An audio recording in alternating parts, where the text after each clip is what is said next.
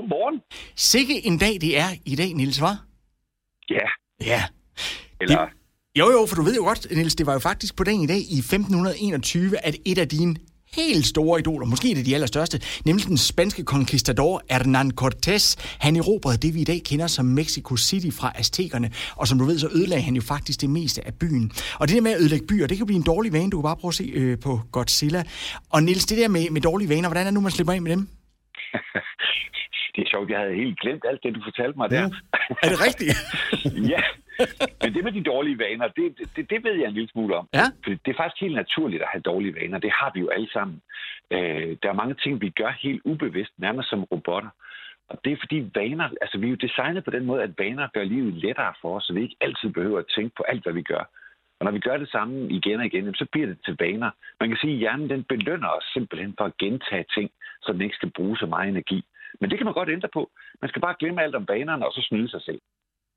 Mm-hmm. Det lyder, Det er det lyder nemmere, end en det er. Ja, der, jeg har en forklaring. Ja. Det sjove er nemlig, at vi har noget, vi kalder trigger, der får os til at gøre bestemte ting. Både de gode og de dårlige ting.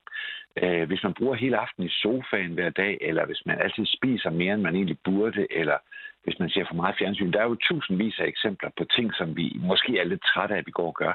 Så er det fordi hjernen genkender noget, vi har gjort, og så gør den det, den plejer. Øh, Og derfor er det en god idé at kigge lidt på, hvad det er, der sker lige inden vi gør det der, som vi gerne vil af med.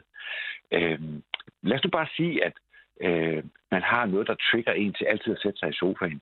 Så kan man lave det der lille benspænd. Hvis man altid sætter sig i sofaen, når man kommer hjem, og så havner som sådan en sofa-kartoffel, der, der først vågner kl. 11, øh, så, så kan man øh, sætte sig i køkkenet i stedet for, når man kommer hjem.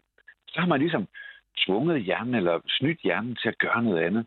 Hvis man, øh, hvis man altid fylder tallerkenen op igen, selvom man egentlig er mæt, jamen, så kan man hælde portionen op ude i køkkenet, så man ikke får den mulighed. Så kan man sætte resten af maden væk. Og hvis man spiller hver eneste aften af sig for meget fjernsyn, det tror jeg, vi er rigtig mange, der gør, så prøv at kigge på, hvad man gør lige inden, og så prøv at gøre noget andet, for så bliver man igen snydt til at prøve at tænke nyt.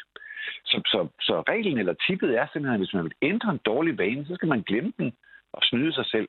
Og det skal man så blive ved med i nogle måneder, fordi det tager sådan i snit to til tre måneder at lave om på en vane, så man skal også være lidt tålmodig. Men det her, som vi gør hver uge med at ringe til dig om fredagen, det, det, er, det er ikke en dårlig vane, vel? Det er en god vane, dem skal man blive ved med, ikke?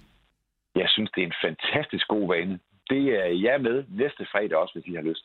Ja, jeg har lyst. Hvad med dig, Ole? Jeg er klar på. Det er så godt. Det er så godt. Vi glæder os til at tale med dig igen på næste fredag. Tak for, øh, for tips, og have en dejlig dag.